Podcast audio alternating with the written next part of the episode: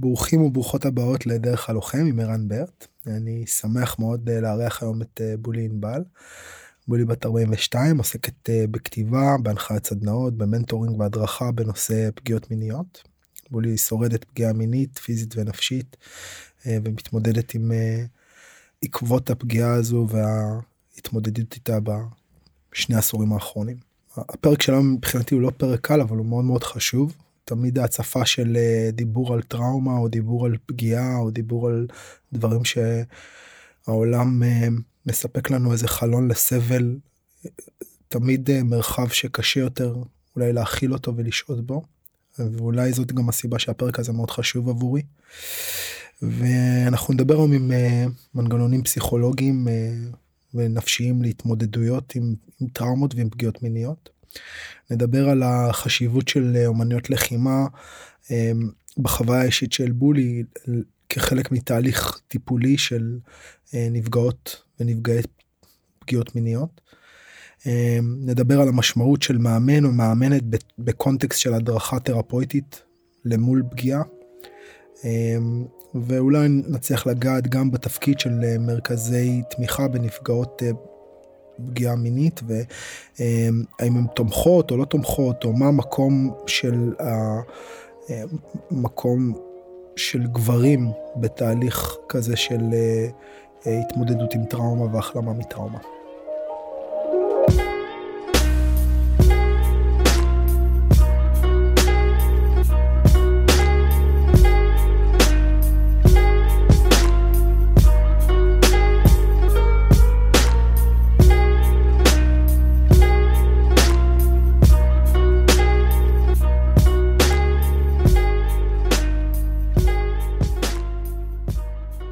ההקדמה הזאתי וואו שלום בולי שלום ערן מה העניינים טוב תודה תודה שאירחת אותי אני שמח שאת פה ככה יצא לנו איזה פינג פונג ארוך גם כי קצת כאילו אני הורדתי הילוך קצת ב, בפודקאסט בתקופה האחרונה והפרקים יוצאים אה, בתדירות נמוכה יותר וככה אנחנו באיזשהו דיאלוג ארוך ומתמשך ואני שמח שמצאנו את הדרך אה, לגרום לדבר הזה לקרות.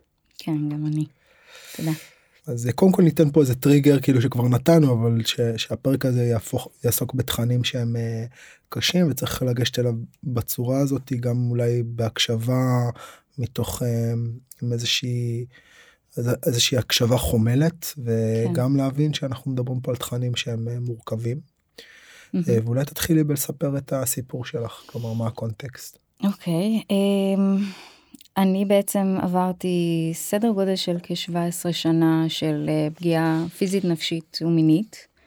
אה, הפגיעה הייתה קורית בבית, אה, אבא היה פוגע בי, ובנוסף היה חבר של המשפחה שבשלב מאוחר יותר הפך לפוגע שני. בעצם המציאות הייתה די סגורה עבורי, כי כילד, ילדה עם סוד, אין יותר אינטראקציה חברתית יותר מדי, כי בעצם תמיד יש לך משהו להסתיר.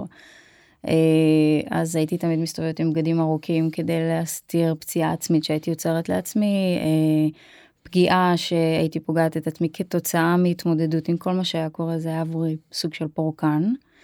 אה, אז הייתי די לבד, די לבד, מלבד כמה חברים שהיו לנו ש... שהיו בשבילי מעין מפלט ומקום ללכת, אבל גם זה היה מקום שלא הייתי משתפת במה שקורה בבית, וזה היה סוד כמוס. ומבחינתי בכל בית זה היה מתנהל ככה, זו המציאות של כל ילד, אני פשוט לא יודעת להכיל אותה. ואני מרגישה שהיא לא בסדר, כי כנראה משהו לא בסדר איתי. אבל uh, לקח כמה שנים שהבנתי שבעצם מה שקורה הוא פגום, זו לא הדרך. אבל אז כבר לא יכלתי לצאת, כבר היה מאוחר מדי, גם כשהייתי חושבת לברוח, לא ממש היה לאן לברוח. ידעתי שאני בסוף אחזור, וזה יהיה עוד יותר גרוע, אז עדיף להישאר. ואמרתי לעצמי שיבוא יום ואני אצא משם, ואז אני אמצא את הדרך, ואני אמצא את הפתרונות להתמודד עם כל מה שקורה.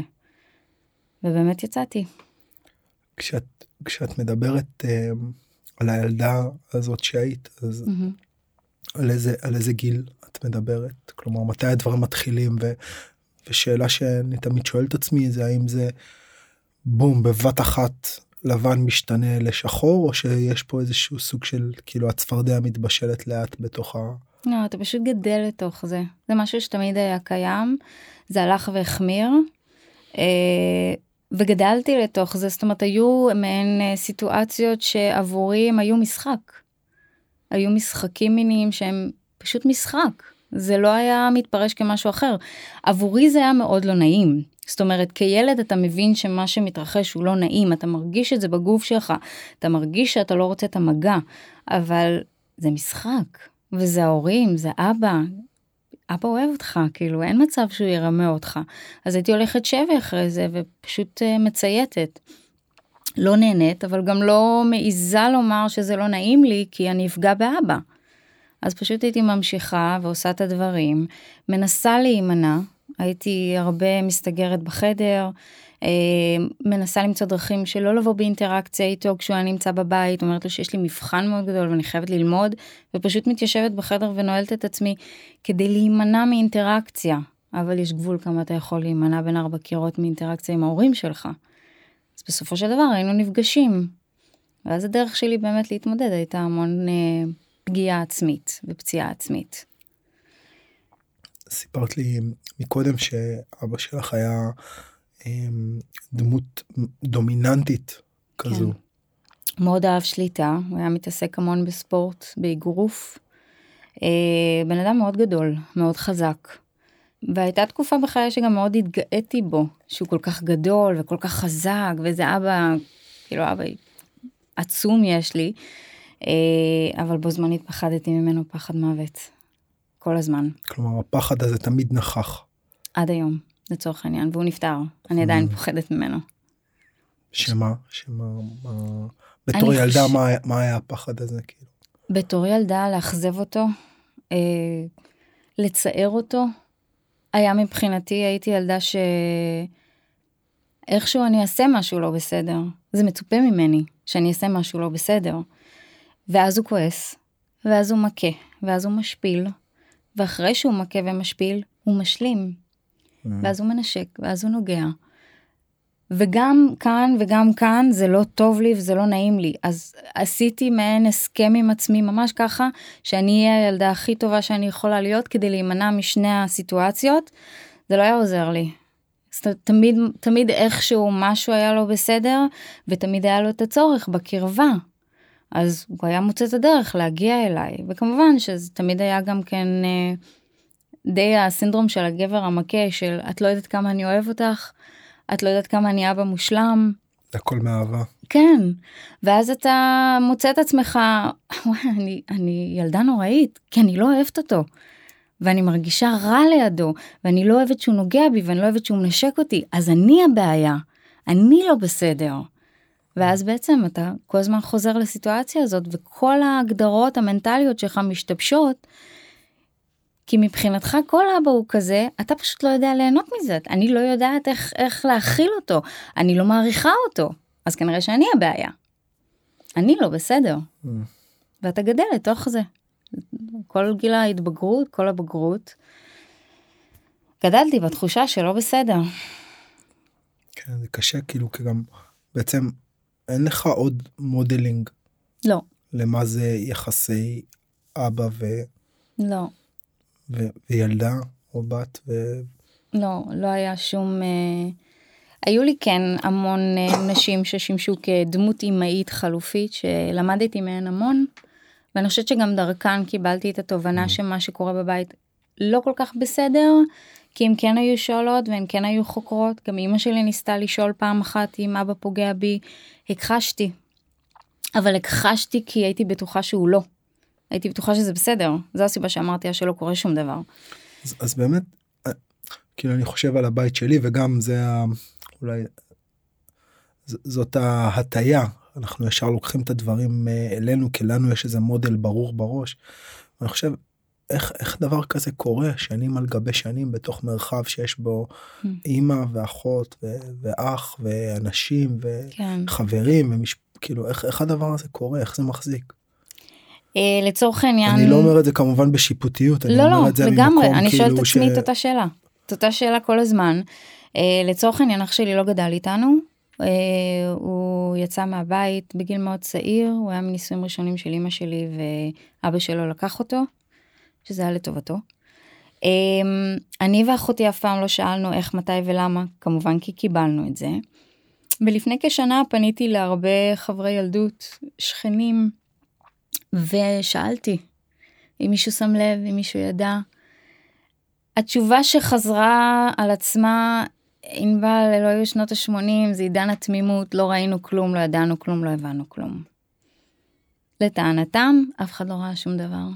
אני מכבדת, יכול להיות שהם לא ראו, היינו ילדים סך הכל, זאת אומרת האינטראקציה היחידה שהייתה לי זה היה עם ילדי הבניין, גדלתי בפרדס כץ, שכונה קטנה, החברים היחידים שהיו לי זה הילדים שהיו, שגדלו איתי בבניין, וכשהייתי איתם באמת הייתי אחרת, הייתי ילדה, הייתי משחקת מחבואים, משחקת קלאס, היינו רצים, רבים, על אופניים, הולכים מכות, הכל.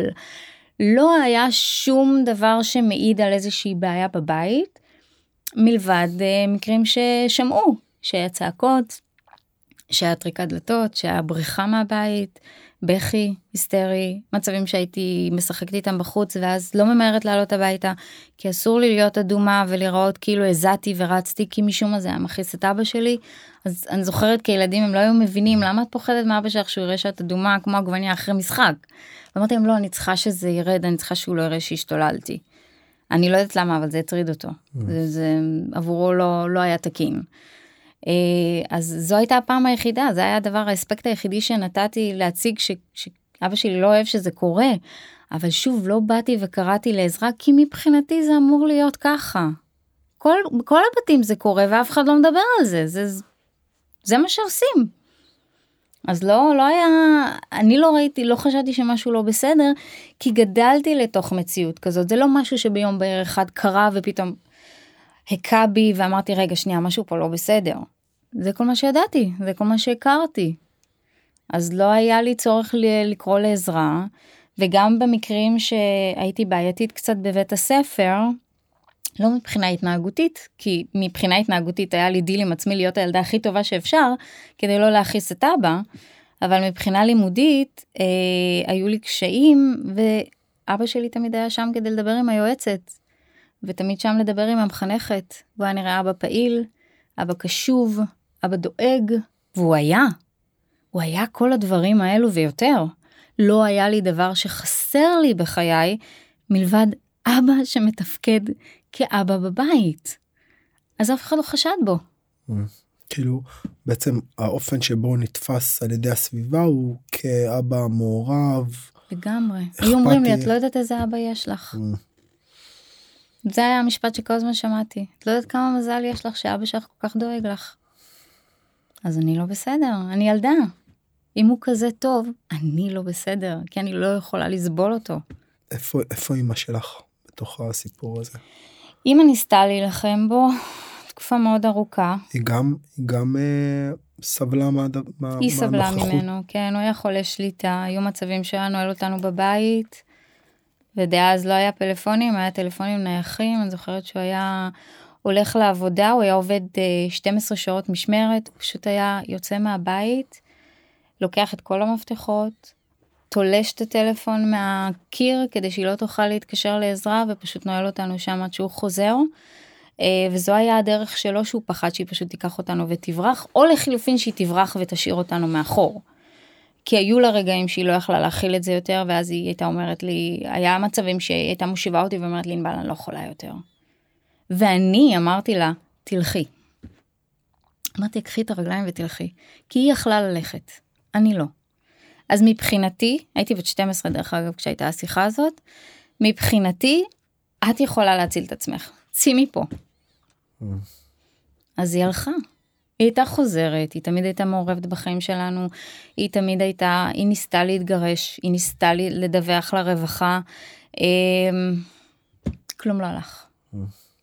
אז חזרנו לחיות עם זה, אמרנו אין ברירה, צריך לשרוד את זה, או שאנחנו נסיים את זה לפני, או שהוא יגמור לפני מה שבא קודם. ידענו שאין ברירה, זהו. אז נשארנו. דיברת מקודם על זה ש... שמשהו כזה קורה, אז בעצם אולי, אולי אני אקח אפילו שלב אחד אה, לפני זה. כלומר, את בתור ילדה, כש, mm-hmm. כשמשהו כזה קורה ואת אומרת זה אני מרגישה שזה לא טוב אני מרגישה שזה לא נעים לי. את נמצאת בתוך סיטואציה כזאת שאם אני מבין יש איזשהו איזושהי כפייה פיזית ו... כן. וכפייה מינית. כן. וכאילו האינסטינקטים שלי אומרים לקום ולברוח כאילו כאילו אינסטינקטים נכון של כאילו בן אדם בריא או כל חיה עושים כן. לה משהו לא נעים טק מסתובבת ובורחת. אבל את לא עושה את זה יש שם איזה מנגנון אחר. את יכולה להסביר אותו את יכולה טיפה להגיד מה קורה שם בסיטואציה הזו? כן. אה, קודם כל מה שאתה מתאר מאוד נכון כן היו לי מחשבות לברוח מהבית אה, זה לא משהו שלא היה קיים זה התחיל יותר בגיל ההתבגרות כן היה רצון. אני ילדה מאוד מחושבת עד היום אני בן אדם מאוד מחושב אז uh, ידעתי שאני לא אצליח לשרוד בחוץ. לא ידעתי לאן ללכת.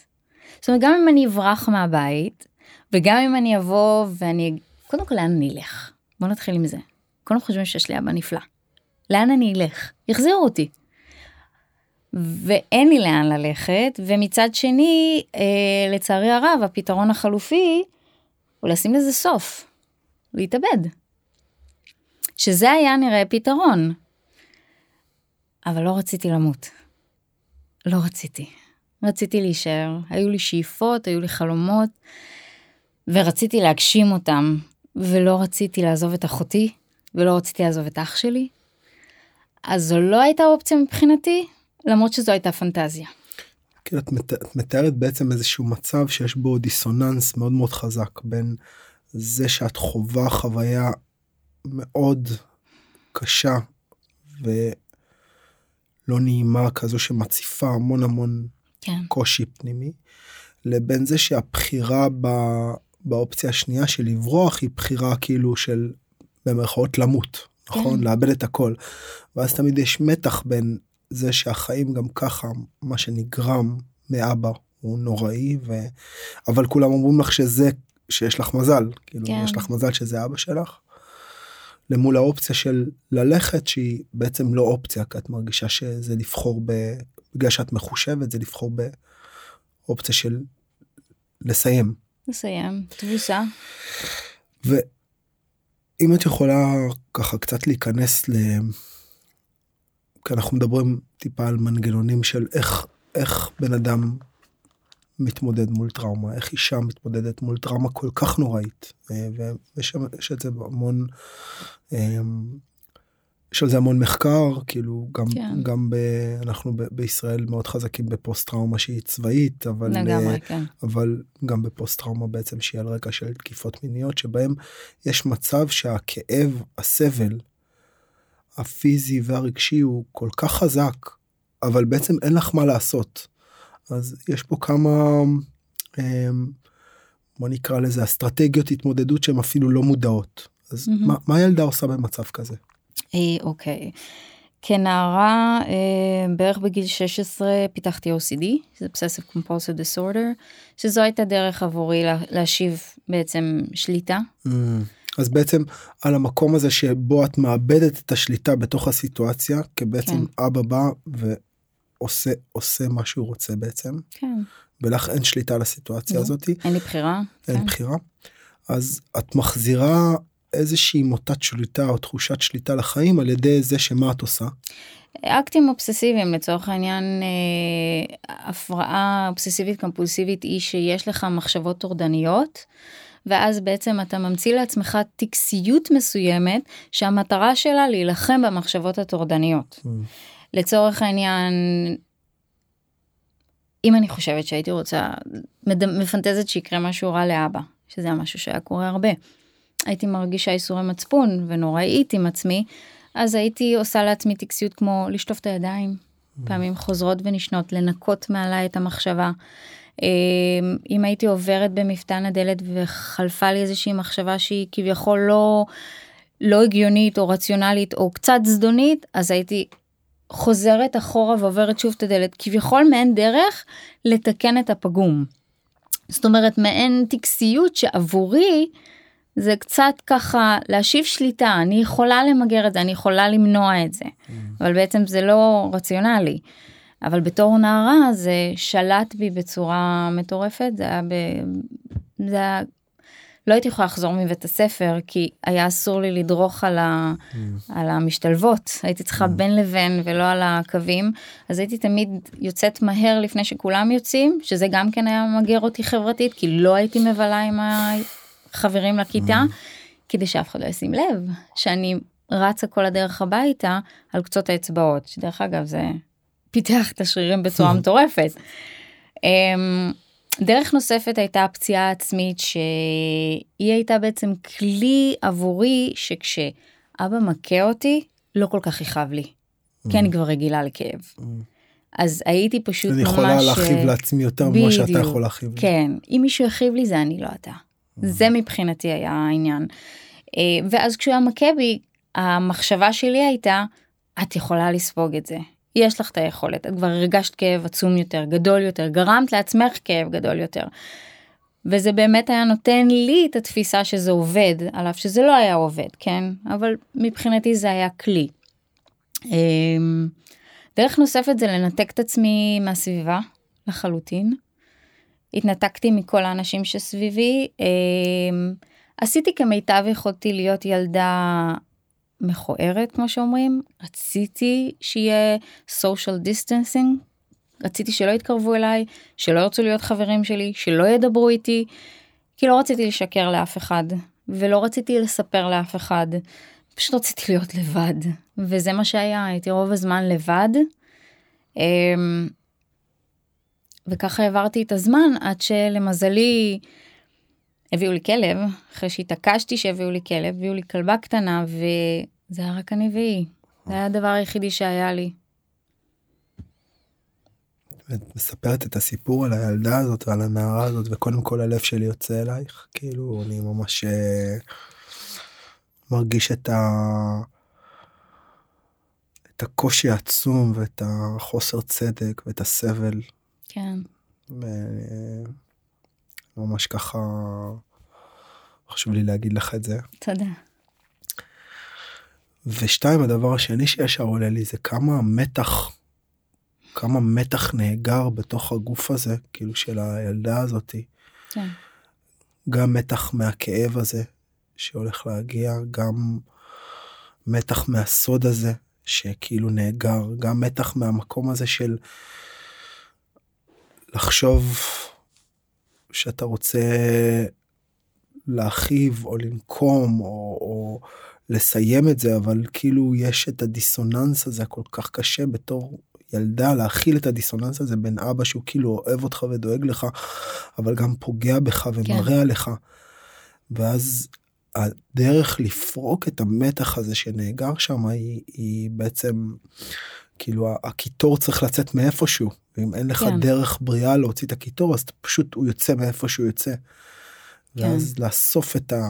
את ה את הטקסים האלו ואת הדרכי התמודדות האלו שהם מאפשרים לך לפרוק את הקיטור אבל זה בעצם לסגל איזה שהם דפוסי התנהגות שהם הם לא בריאים. לגמרי. אתה פוגע בעצמך אתה ממשיך לפגוע בעצמך רק כדי כן. להמשיך לשרוד. שהם בפני עצמם מייצרים מתח כי אתה כן. כל הזמן אתה בעצם הופך להיות עבד של עצמך. כי אתה מלחיץ את עצמך אבל אז גם מגדיר לעצמך מעין טקסיות שאתה צריך לקיים אותה כדי למנוע את כל הפיגמנטציה שאתה יכול להכניס לעולם מבחינתך. אז זה מתח בפני עצמו כן. וגם להסתיר את זה. כי אסור שהסביבה. תשים לב. ואז בדיוק מול הסביבה שבדרך כלל המעגלי תמיכה שלנו המעגל תמיכה של החברים של הקהילה הוא, הוא אחד מה, מהבסיסים הכי משמעותיים ביכולת שלנו להתמודד מול טראומה. Mm-hmm. ובעצם בגלל הבושה ובגלל המתח אז אתה ובגלל החוסר יכולת להסתיר את זה או ההתמודדות עם עוד כן. מתח אז אתה גם מנתק את עצמך חברתית ואתה.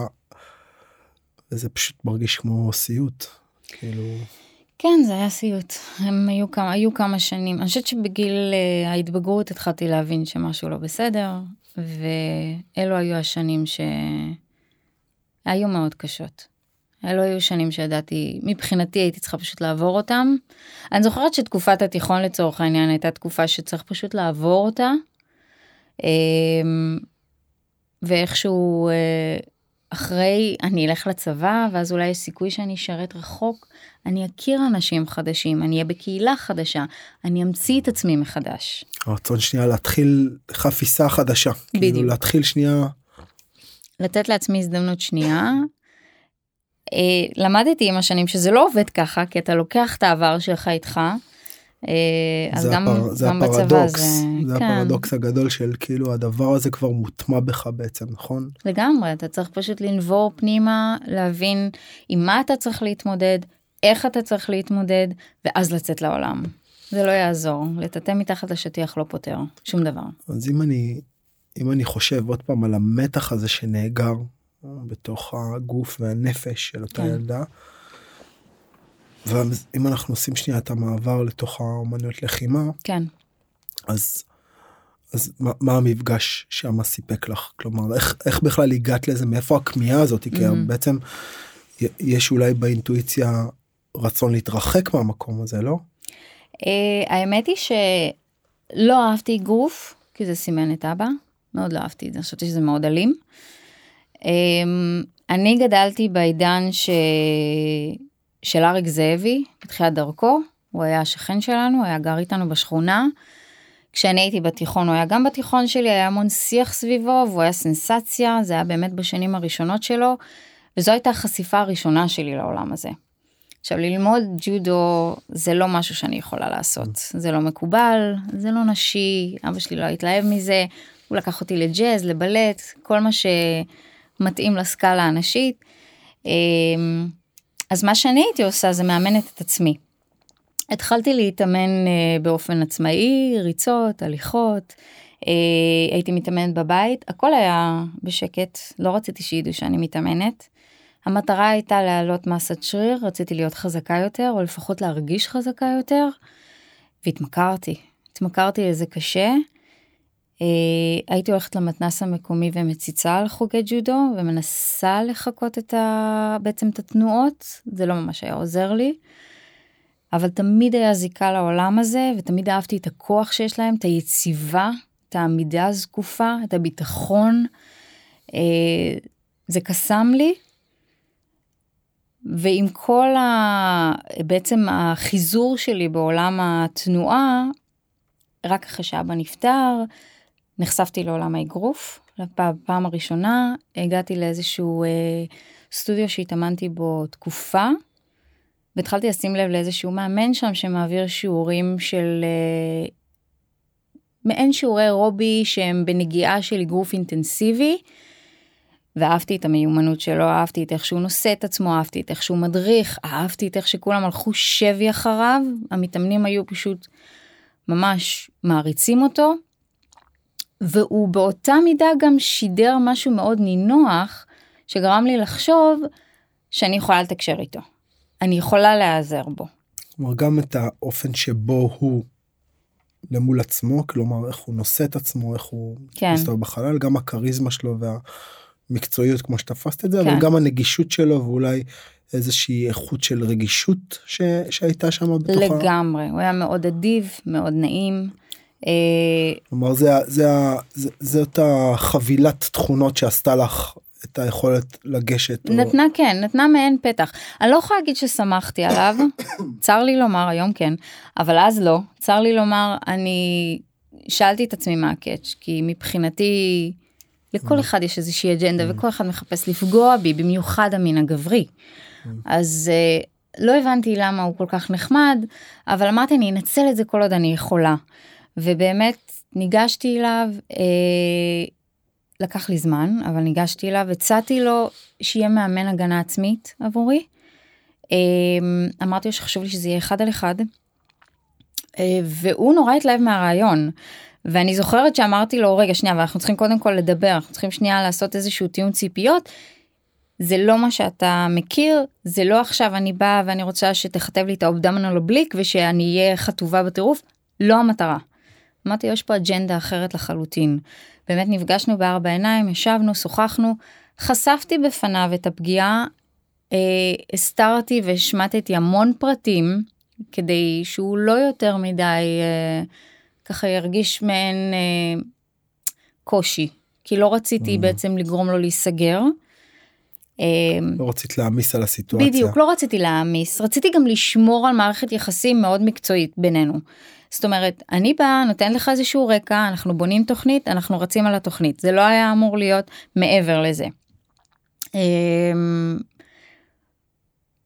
הוא לא נלחץ מהסיפור, כמובן שלא חשפתי את הסיפור כפי שהוא, הוא נחשף לסיפור שלי רק לפני כמה חודשים. הוא קיבל את ה... אחרי 20 שנה של היכרות, רק לפני כמה חודשים הוא נחשף לסיטואציה האמיתית. אמ, והוא היה מאוד זמין ומאוד מקצועי, ובאמת הוא בנה תוכנית אה, שמאוד עזרה לי. והיא עזרה לי גם בהתמודדות מולו כגבר, כי בעצם אני נמצאת בסיטואציה של אחד על אחד מול מישהו שאני יודעת שהוא חזק ממני, אנחנו לבד, זאת אומרת בעצם אני פגיעה לחלוטין.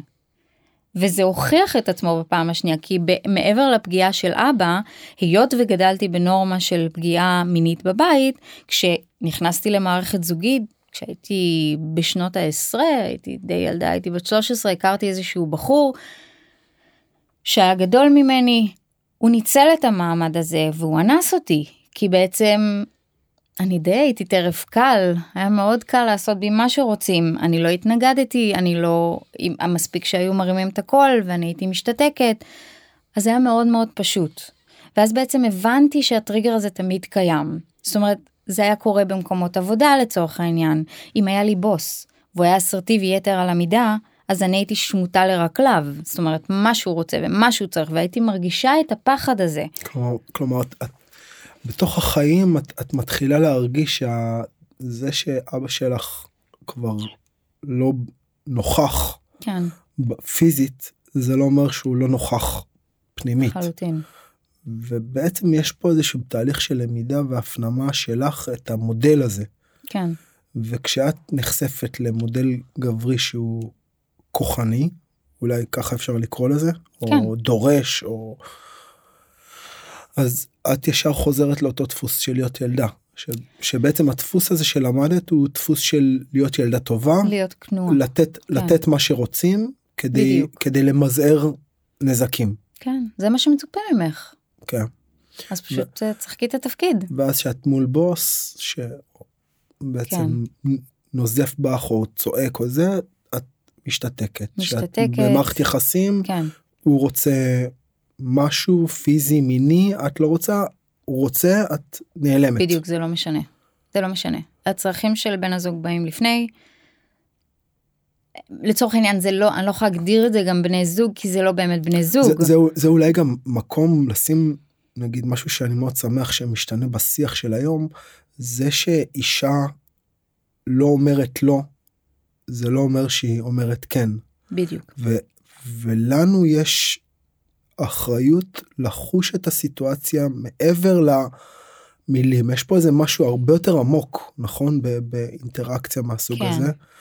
אמ, שעוד פעם זה, זה מקום מבלבל אני מרגיש היום בעולם של היום כי כאילו גם אנחנו כגברים צריכים ללמוד פה ולסגל סט כלים שלא נכון. לא תמיד יש לנו מאיפה לקחת אותו במיוחד היום בעולם של המדיה בעולם של כאילו סרטים כאילו זה, זה, זה, זה הכל באמת נורא פרוץ, נורא חשוף. זה באמת עולם זה נורא כאילו מבלבל, כן. ו, ועדיין כאילו הסיפור שלך אני חושב מדגים את זה כאילו וזה מקום כל כך בגלל זה גם אני חושב שאנחנו עושים את הפרק הזה כי יש פה כן. חלק מתהליך מאוד מאוד משמעותי שקורה שאני מרגיש שהוא קורה היום והוא יותר פתוח ללמוד אה, דרך סיפורים כמו הסיפור שלך על, על משהו שהוא הרבה יותר עמוק. כן. אמ, אז אז את בעצם זה מה שאת חווה כן. ואז את מבינה שאת צריכה אולי לשנות משהו עמוק יותר בפנים לא רק כן. לשנות משנה מקום משנה מזל אלא אלא לשנות איזה משהו בעצם ב-DNA הרגשי שלך לגמרי, אני באופן- צריכה לעשות ריסטינג לכל המערכת. ואת מרגישה כן. שה, שהמאמן הזה ובעצם הפלטפורמה הלחימתית כן, יאפשרו לך לעשות את השינוי הזה. לגמרי. אז בואי בעצם- תספרי קצת על התהליך הזה על מה מה בעצם מאפשר מה מה מה הדבר הזה שקורה שם. אה, מה שקורה, אה, בתקופה שהגעתי למאמן ונכנסתי לתוך התוכנית אימונים שלנו הייתי הייתי קודם כל בטיפול פסיכולוגי שאני חושבת שהוא חלק בלתי נפרד מהתהליך. אצל פסיכולוג או אצל? פסיכולוגית. פסיכולוגית. באותה תקופה היה חשוב לי שיהיה פסיכולוגית לצורך העניין גם עד היום חשוב לי שיהיה כן. פסיכולוגית משום מה בפן המנטלי יותר קל לי עם נשים. אמ, אבל בפן הפיזי כאילו אם- בפן הפיזי אני צריכה את ההתנגדות הגברית כי זה לא אתגר עבורי אישה. וזה לא בקטע של לזלזל יש הרבה נשים חזקות הפגיעה שלי הייתה אל מול גבר אז בעצם התיקון גם יעשה בדיוק. אני צריכה את החוויה כדי להתמודד מולה. מבחינתי אם עכשיו אני אהיה באיזשהו דול עם אישה זה לא אומר שהיא לא יכולה להביס אותי זה לא אומר שהיא לא יכולה לאתגר אותי אבל זה לא מה שאני צריכה. זה כאילו את עושה פה הבחנה בין האספקט הטכני ללמד איך להתגונן או ללמד טכניקה של לחימה שפה את אומרת אישה יכולה לתת לי את הכלים האלה טוב לגמרי כמו אין לי כל אחד אחר. ספק בכלל. אבל דווקא בהפנמה זה אני פשוט אומר את הדבר אני מנסח את הדברים שלך כאילו דווקא בזה שיש גבר שנותן לי את הבמה הזאתי את הדימוי הזה את ה... את הכוחניות הזאת העוצמה כן. הזאתי ואני לומדת איך להיות למולו בדיוק. והוא מייצר לי גם נרטיב שונה באיך שהוא מולי. זה היה התהליך שהיה נכון עבורך נכון זה תהליך התמודדות, התמודדות שהוא נפשי ופיזי נפשי דרך הפיזי בדיוק וגם קודם כל זה גם מלמד אותך שהשד הוא לא כזה נורא. לא כולם שם רוצים לפגוע בך. Mm. יש גברים שהם שם כדי לעזור לך, כדי לתת לך כלים, כדי לעזור לך לצאת מהסיטואציה הזאת. בעצם מעין חוויה מתקנת, שהוא באמת, הוא בעצם היה הבן אדם הראשון, הדמות הגברית הראשונה, הראשונה שנחשפה לסיפור ונתנה לי כלים. עכשיו, העניין הוא ש... כמובן שגם נוצר שם עוד התמודדות של איזושהי מערכת יחסים אישית כי זה בלתי אפשרי לא לפתח מערכת יחסים אישית בסיטואציה כזאת שהיינו כן משתפים וכן הייתי משתפת אותו בתהליך וכן מדברת על האונס כן מדברת על התחושות. אם היה מצב שאני מרגישה שקשה לי אז הייתי יכולה להגיד לו סטופ זה שנייה. זה הייתה סביבה שמצד אחד מספיק מאתגרת כדי לתת לך את התחושה כן. של משהו אמיתי כן. ומצד שני מספיק בטוחה כדי שתוכלי להגיד אני חשה שזה כן. too much צריך כאילו קול משחק. down שנייה רגע מעולה וזה מאוד היה חשוב בגלל זה זה גם היה חשוב לתת לו שקיפות מלאה מאיפה אני באה כי בעצם אם לא הייתי נותנת את השקיפות הזאת והייתה סיטואציה של טריגר לצורך העניין. אני לא יכולה להגיד לו שום דבר ואז אני מתנתקת. כן כאילו זה גם איזשהו תנאי בסיס באמת חשפת את הסוד כן. מאוד בהתחלה כאילו לא לגמרי. נשאת את נטל הסוד הזה עלייך גם לגמרי. במערכת יחסים הזאת שזה אולי התיקון הבסיסי שזה גם לגמרי זה חלק מההתמודדות לא. לעמוד מול מישהו ולהגיד שהוא חזק שיש לו כלים לפגוע בי לצורך העניין למרות שעליו לא היה פוגע בי אבל יש לו את הכלים אם הוא רוצה. להגיד לו תשמע אני פגיעה להיות אני חשופה באה שם אליך להיות- פגיעה, כן. אני באה אליך ואתה יכול לעשות בי מה שאתה רוצה, אבל אני רוצה שתעשה טוב, אני רוצה שתעזור לי, אני רוצה שתמנף אותי, שתחזק אותי, שתחדד לי את כל האינסטינקטים ממש נותנת הבסיסיים. פה כללי כאילו ממש כללי מסגרת לעבודה טיפולית נכונה אני מרגיש לגמרי. דרך בתוך ה, בתוך המדיה הזאת של הלחימה. וזה אולי מאוד מאוד חשוב כאילו להסגיר בקונטקסט כי הרבה חבר'ה שמקשיבים לפודקאסט הזה מגיעים מתוך התחום אנחנו מאמנים מדריכים אנשים שנוגעים כן, לפעמים אנחנו שוכחים כמה כוח יש לנו בידיים. אה, במ- במיוחד במפגש מול אוכלוסייה אני אומר במרכאות באצבעות שלי מוחלשת שזה יכול להיות ילדים בני נוער נשים נכון, גם גברים. כאילו, לגמרי, כן, כולנו פגועים באיזושהי צורה זה לא משנה אם אני מקבל חייל עם שיצא עכשיו מעזה והוא עם פוסט טראומה כן, או ילד שמציקים לו בבית ספר או ילדה שהיא בחרם חברתי או אישה שעברה תקיפה מינית וכאילו אחת מתוך כמה שלוש, אני מאמינה שהסטטיסטיקה ירדה, אני כאילו- כמעט משוכנעת שהסטטיסטיקה היא לא מדויקת. אז כאילו רוב האנשים שהגיעו למרחב שלנו הם אנשים שעברו משהו בחיים וכאילו כן. ה- ה- היכולת שלך להיות אה, ואני אומר את זה אה, כאילו לא מתוך מקום שאני מרגיש שאני להפך מתוך מקום שאני מרגיש שהרבה פעמים אני יכול לפספס כן, כי אני בתוך החיים שלי עצמי ואז אני יכול להיות לא רגיש עם עין לא לא מספיק שזה זה חומלת. נורמטיבי, כולנו ככה. שגם זה אני בטוח בסדר. שכאילו גם המאמן שלך יכל לפקשש לפעמים וזה חלק לגמרי, מהקטע. כן. אה, לצורך העניין זה גם כן מחזיר אחורה ודי מסמן את הקהילה שהייתי שגדלתי סביבה ואף אחד לא ראה שום דבר כי אף אחד לא התבונן כי אתה לא צד אנשים ואומר, אה, כן, הוא מתעללים בו, הוא פוגעים בו. זה לא משהו שאנחנו מחפשים לראות. אני יכולה לפעמים, אני אני לדעתי בגלל הרקע שלי כן יותר מתבוננת על התנהגויות של אנשים ועל התנהגויות של ילדים שזה לא בהכרח הופך אותי לאיזושהי מומחית זיהוי זה יכול לפעמים דווקא לגרום לי לראות דברים שהם לא שם. אז אני נזהרת עם זה. אני בוחנת דברים כן. כן מאוד. אני נורא נורא אה, זאת אומרת אני אם אני רואה משהו שמחשיד אני אני מגיבה. אני לא בן אדם ששותק או, או מחליק או ממשיך ללכת כי אני מרגישה שאני חייבת את זה לכל לי לעצמי כי לי אף אחד לא בא לעזור לי ואני רציתי שיעזרו לי. אז אני כן מגיבה גם אם לפעמים זה מכניס אותי לצרות וזה קרה כבר. אמ, אבל אנחנו לא מחפשים את זה בעין אבל מספיק שלפעמים קצת מתבוננים ואפשר לשים לב לדברים באמת, לפעמים רק להתבונן, בין אם אתה רואה חבורה של ילדים הולכים, מספיק שתסתכל עליהם מקרוב, אתה תמיד תשים לב למישהו שהוא טיפה שונה, שהוא טיפה מרוחק, שהוא שם את עצמו בכוח בחבורה הזאת, ש... אני מזהה את זה, אני רואה את זה, ולכן הנגישות שלי גם לנוער ולילדים היא אחרת לגמרי, אה, שזה כבר משהו שלי. אבל לצורך העניין היום יש לי ילד בן 11 שאני נורא רוצה שהוא ילמד ג'ודו שאני נורא רוצה שהוא ייכנס לענף הלחימה ולא בגלל שאני רוצה עכשיו להפוך אותו לאיזשהו הר אדם פשוט העניין של הביטחון, היציבה, הנכ... היכולת לנסוע את עצמך, וגם אם אתה בסיטואציה מאיימת, זה לא אומר שאתה משתמש בכלים האלו. אני הלכתי ללמוד עם המאמן, לא כדי עכשיו להיכנס לאיזה שהם סמטות חשוכות ולהפוך לאיזושהי אלמנה שחורה, ממש לא. Mm. פשוט רציתי לדעת שאני יכולה לשאת את עצמי בביטחון, ולדעת שאם חלילה אני נמצאת במצב כזה, יש לי את הכלים והאינסטינקטים מספיק מחודדים כדי שאני אוכל להמם את הפוגע ולברוח זה הכל. יש כאילו שתי תחושות מאוד חזקות שמתלוות לאימון לחימה מבחינתי. תחושה אחת היא תחושת מסוגלות. אתה כן.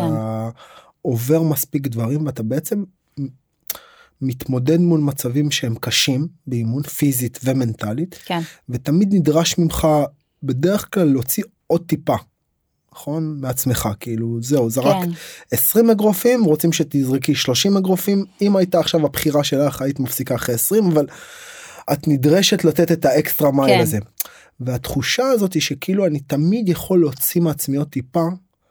היא, היא התחושת מסוגלות הזאת היא כאילו אני יכול כן. אני יכולה אז, אז זו תחושה אחת שמתלווה לטעמי לתוך הדבר הזה. והתחושה השנייה היא תחושת חוסן. כלומר זה המקום שבו אני חושב שהייתי נשבר, אבל אני לא נשבר. כן. אני לא נשברת. לגמרי. אני... זה גם מתעצם עם הזמן, כן. עם היכולת. והתחושת חוסן הזאת, אגב, התחלנו לדבר מתוך ה... אה, אה, נקרא לזה אסטרטגיות התמודדות, או בעצם מה קורה לילדה הזאת שעומדת בתוך סיטואציה שהיא לא יכולה לשאת, ואז תיארת את זה בצורה כל כך אה, אה, אותנטית. אה, גם על המקום הזה של בעצם לפרוק את הלחץ בכל מיני צורות של פגיעה כן. של אובססיב קומפרסיב וגם על המקום של להתנתק. אה, שזה המקום שהכי מזוהה הרבה פעמים עם פוסט טראומה נכון כן. כאילו. מנגנון של המוח להתמודד. אני, אני לא יכול לשאת את זה. אני לא שם.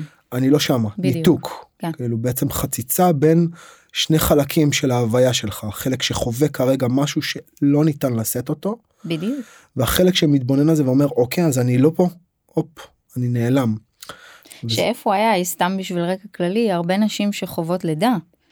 יש אחר כך תמיד את המשפט של אני לא זוכרת את הכאב אבל אני זוכרת שזה נורא כאב שאני חוויתי לידה אני חד משמעית הבנתי שהגוף שלי לגמרי מתנתק אני שם אבל אני לא שם אז כשיצאתי מהחוויה לא זכרתי את הכאב אבל ידעתי שכואב לי וזה מה שגרם לי להבין שבעצם זה מנגנון של המוח להגנה זה כאילו זה מטורף זה מדהים. כן. אמ, כן. וזה עוד פעם זה משהו שמזוהה מאוד אה, עם נפגעות תקיפה מינית כן. מזוהה מאוד עם עם חבר'ה שעוברים אה, בעצם הלם קרב או פוסט טראומה כן. בצבא שאתה נכנס לאיזושהי סיטואציה אה, אני, אני עובד עכשיו עם, עם, עם, עם חבר'ה שהם הלומי קרב ו, וכל מיני סיפורים וה, והקו שמקשר בין הסיפורים הרבה פעמים זה נכנסתי לאיזושהי סיטואציה מאוד מאוד קשה ברמה כן. הנפשית ובעצם לא יכולתי לעשות כלום. כן. לא הייתה לי שליטה בסיטואציה הייתי חייב להמשיך להחזיק את הפוזיציה הזאת שהייתי בה זה לא משנה אם זה טיפול בפצוע אה, רוני סייפן היה פה ודיבר על זה על איך הוא.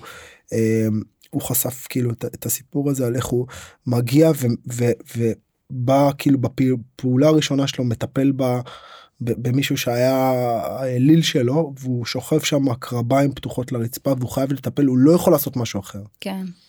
והדיסוננס הזה בין אני רוצה לקום ולברוח עכשיו זה מה שהגוף שלי אומר לי. לבין אני חייב להישאר פה והמתח הזה שנאגר ולא נפרק. כן. הרבה פעמים בטבע מה שקורה זה שחיות מוצאות דרך לפרוק את המתח הזה. והמתח הזה שנשאר ולא נפרק. הוא, הוא נשאר נוכח שם כן. כל הזמן ואז ה- הלחימה בעצם מאפשרת לנו איזשהו אפיק. אה, לגמרי. לפורקן של הדבר הזה. נכון. ואז התחושה של אוקיי, I can endure it. לגמרי. אני יכול, אני יכול, אני יכול לעמוד בזה. גם לצורך העניין אני זוכרת כשהיינו, כשהייתי צריכה להתייצב מול שק אגרוף כדי להתאמן על הטכניקה, אני הייתי רואה אותה מולי. שני הפוגעים שלי כל פעם הייתי ככה מדמיינת אותם מולי כדי שזה בעצם ידרבן אותי להיות טובה יותר, להיות חזקה יותר, להתאמץ יותר ולא להיכנע ולא לוותר. אה, אני לא חושבת שזה משהו שאי פעם שיתפתי את המאמן אבל הייתי מדמיינת אותם מולי. ואומרת אוקיי זה זמן האמת עכשיו. הייתי מתעקשת להתאמן בלי כפפות למרות שהוא היה אומר לי לשים כפפות לא רציתי. כי מבחינתי אם אני נמצאת בסיטואציה בחיים האמיתיים אין לי כפפות.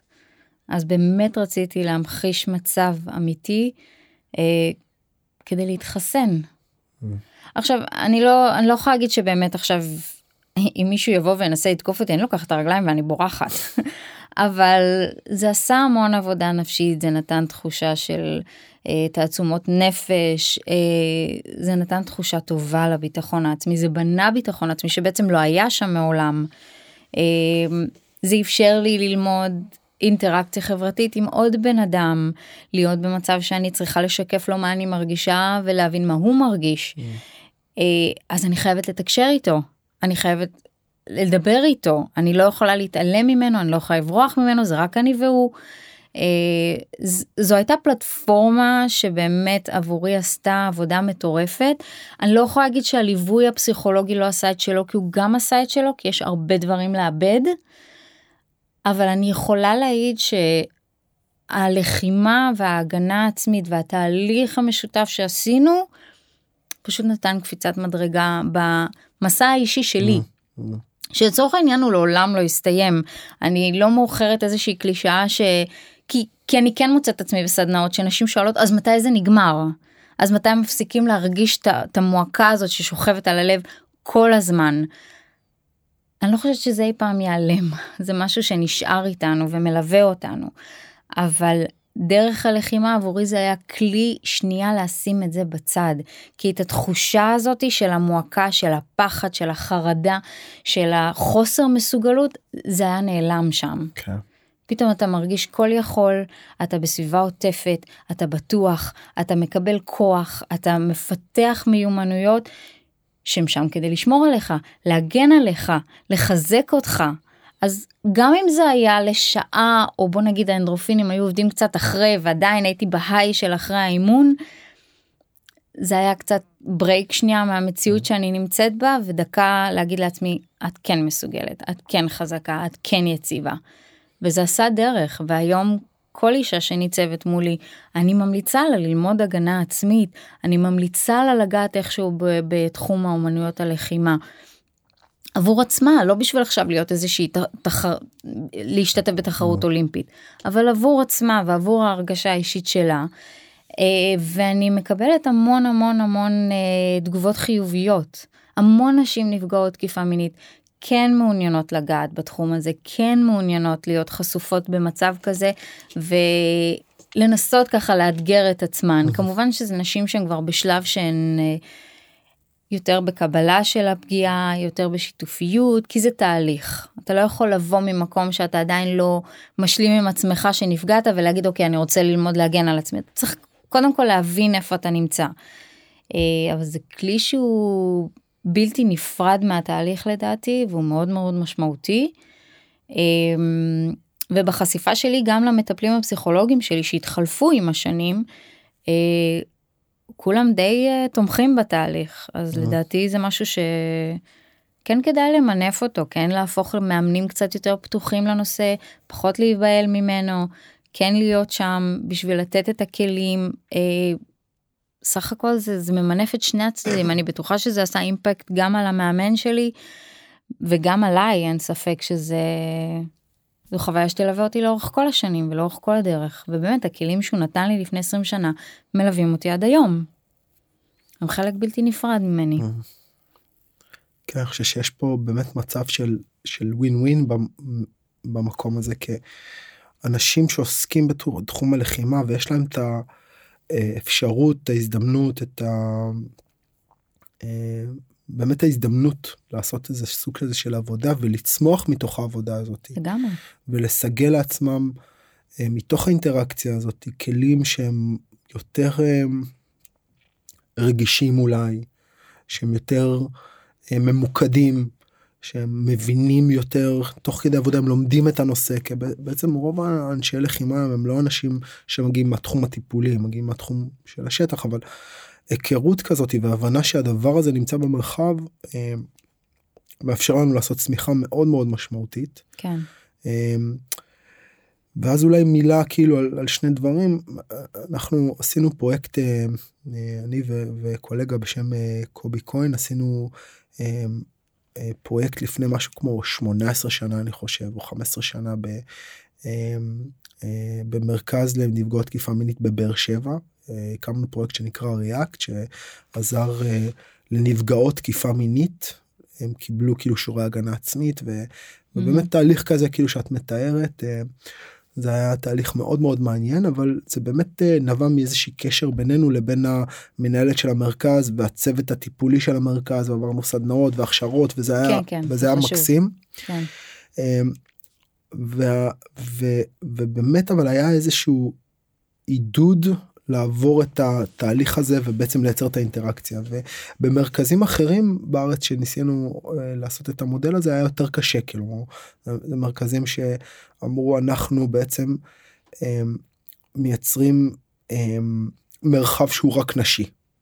כן. אה, שאני מבין אגב את ההיגיון. לגמרי, אני, אני גם יכולה להבין, זה גם נורא תלוי בקהילה שהם נחשפים בדיוק, אליה. בדיוק, ואז אה, אני, אני מרגיש שבעצם יש איזה זה שתי קצוות אולי של הסקאלה. כן. כאילו לערב גברים בתוך תהליך כזה או לא לערב גברים בתוך תהליך כזה ושני הדברים אה, מובנים לגמרי.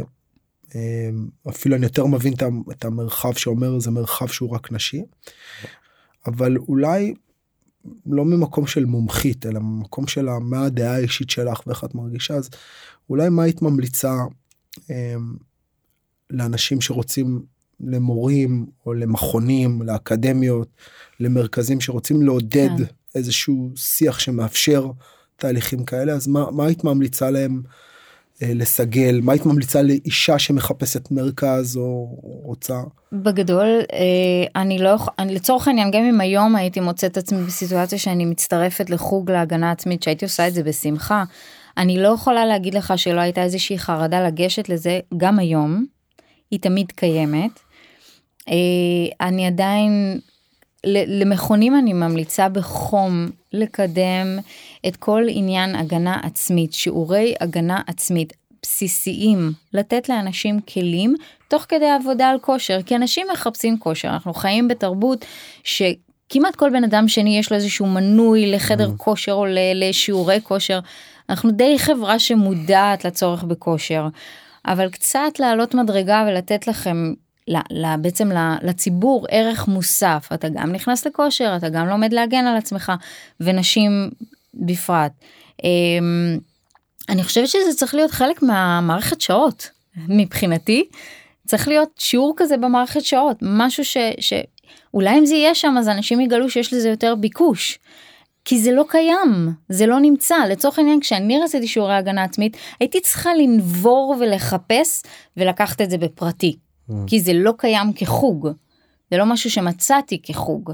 ושוב, מה שכן מצאתי כלל אך ורק נשים, שאני מאוד מבינה את זה, כי, כי זו סביבה בטוחה, זו סביבה מוגנת, אבל זה, זה בעצם קצת סותר את, את ההתמודדות אל מול בעצם דמות גברית זה לא עוזר לי שמביאים לי בובה שהיא בצורה של גבר הבובה לא יכולה לפגוע בי.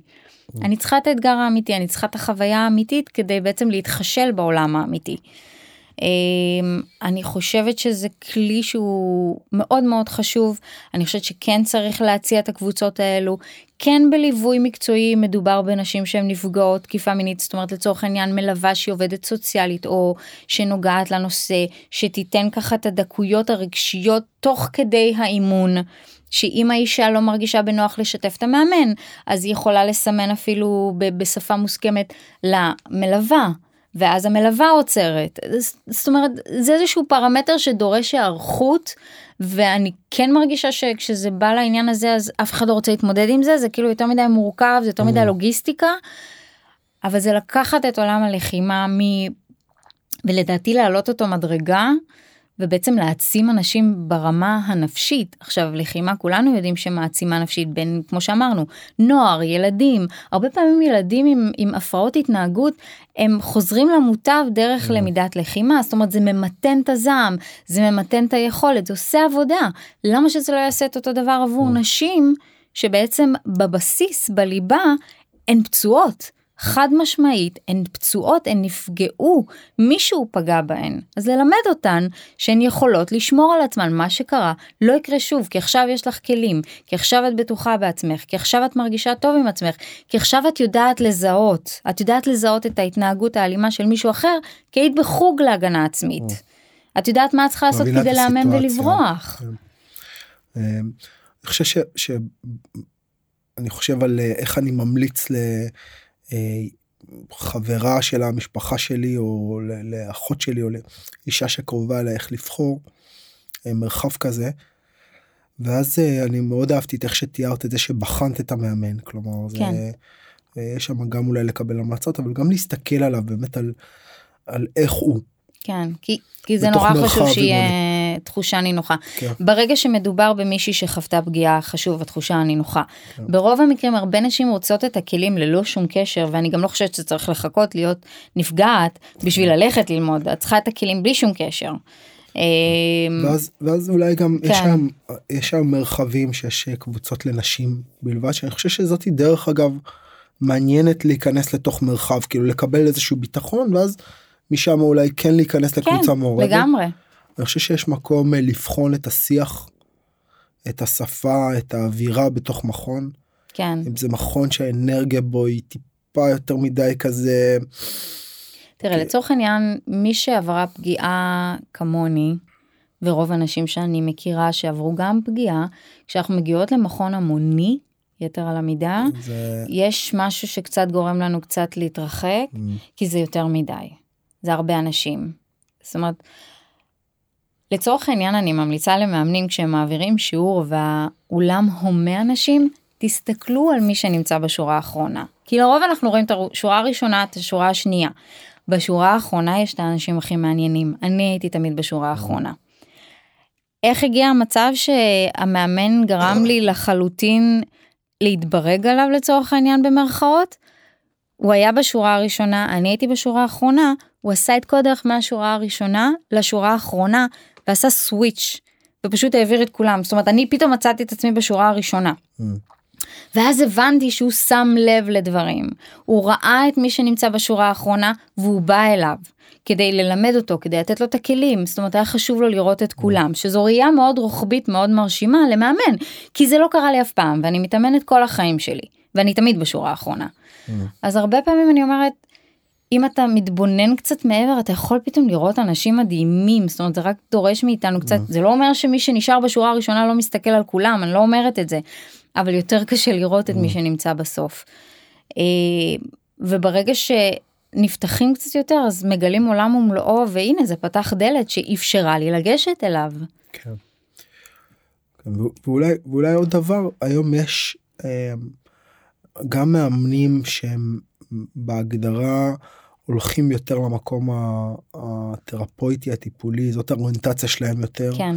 אה, יש אה, קורסים כאלה ש, שמכשירים או נותנים איזשהו סוג של תמיכה יש פשוט טייפים של מדריכים ומאמנים שזה, שיותר זאת יותר השפה שלהם נכון. אה, ואז באמת הייתי ממליץ גם לחפש לחפש כאלה ולעשות עליהם את הבטק יש היום המון אה, קודם כל יש אני חושב שיש המון עמותות והמון אה, מרחבים שמתעסקים בדבר הזה אז זה כן. אולי מקום גם לקרוא לכל מי שהיא או מישהו שמרגיש שהוא עובר משהו שהוא לא הוא לא מסתדר נכון. אה, שהוא לא מרגיש נכון אולי זה המקום באמת להציף ללכת לחפש כן. לדבר לדבר לשתף לפעמים גם בגלל שזו לא מסגרת של אחד על אחד בחדר טיפול, זה יכול כאילו לעורר את השיח. כן אז- בעצם זה אז- יכול להיות גם הרבה פעמים תוך כדי תנועה נוצר שיח אז זה יכול לפתוח דברים ואתה פתאום מרגיש יותר נוחות לשתף אז, אז עבור חלק מהאנשים זה לגמרי יכול להיות כלי שהוא מאפשר. אבל אז זה דורש באמת מהמאמנים להיות יותר פתוחים לאינפורמציה. אולי נסיים עם איזושהי המלצה שלך על אה, משהו ספר סרט אה, משהו אה. שיכול להיות בכיוון הזה של משהו שתרם לך ש-. שנגע בך זה לא חייב להיות רק בהקשר של פגיעה מינית אלא בכלל בתפיסה ב... ב...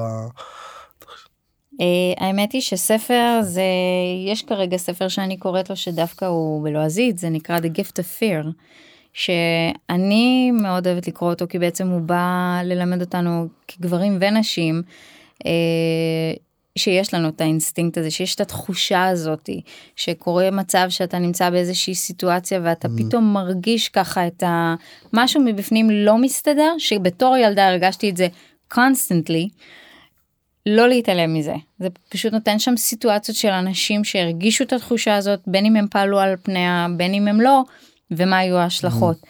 אז אם מרגישים את התחושה הזאתי לא להתעלם ממנה גם אם זה נראה סופר מינורי כנראה שיש שם משהו שמתבשל יש שם משהו שהוא לא תקין כי הגוף לא משקר ובאמת אם מרגישים את זה ללכת עם זה גם אם זה אומר לקום ולעזוב מערכת יחסים גם אם זה אומר לקום ולעזוב מקום עבודה הדברים מתאזנים. הכל מסתדר ולכל דבר יש חלופה והגלגל מסתובב ואיכשהו דברים חוזרים לרצף ה- שלהם. לא לפחד לעשות את הצעד הזה. ומעבר לכל אה, נפגעים ונפגעות אה, פגיעה מינית פיזית ונפשית אני ממליצה בחום לגעת בעולם הלחימה. גם אם זה אומר בהתחלה לקרוא על זה להסתכל ביוטיוב ללמוד על זה אה, טיפה לתת איזושהי נגיעה ולגשת לעולם הזה לא בפחד כי הוא מעצים אותנו כאנשים פגיעים יותר בחברה זה באמת מעצים וזה נותן כלים מופלאים ואני ממליצה לכל אחד כל אחד בדרך שלו בין אם זה בקבוצה או בפרטי כל אחד ואיך שהוא מרגיש. אה, כי אני יודעת שיש הרבה אנשים שרוצים לגעת בעולם הזה שהם נפגעו בדרך כזו או אחרת ותמיד יש את החשש ואת הפחד הזה. אז לקחת את הסיכון ולנסות. אז מצד אחד the gift of fear ומצד שני תתגברו על ה-fear ולכו תעשו. הגיפט אוף פיר זה בעצם התחושה הזאת שאומרת לך תתרחק ממקום שאתה מרגיש שהבן אדם הזה הוא לא טוב לך. אז זה בהחלט משהו שצריך לפעול כן. לפניו על פניו אבל אמ, תפ... תפחדו אבל אל תימנעו מפעולה. פחד זה מנגנון מצוין. פחד זה מנגנון שהוא בעצם בא לאותת לנו שיש משהו שגורם לנו להרגיש אי נוחות ולפעול בהתאם לזה. וואו. לא צריך לברוח מהתחושה הזאת, צריך להבין אותה וצריך מצוין. לחבוק אותה וצריך לדעת איך לנהל אותה. אם אנחנו חוזרים עוד פעם לטקטיקות של ההימנעות והניתוק נכון אז זה בדיוק המקום שכאילו כן. בדיוק. יש שם איזה משהו ו... ואין לי איך לפעול למול המשהו כן. הזה. הפחד זה פשוט אות, זה איתות, כן. זאת אומרת לא צריך לקחת אותו כל כך קשה, כי לפעמים הוא נורא נורא מינורי והוא כלי מצוין להתמודדות עם, עם סיטואציות בחיים, פשוט אנחנו מפרשים אותו כמשהו מאוד מאוד שלילי אז אנחנו מנסים להימנע ממנו, אבל סך הכל זו תחושה שהיא באה להגן עלינו, לאותת לנו. בולי. שמחתי שבאת אני מאוד מעריך את. השיתוף הכנה שלך והאותנטי ו... ממש הייתי רוצה לחבק את הילדה הזאתי תודה. ולתת לה יד ולעזור לה.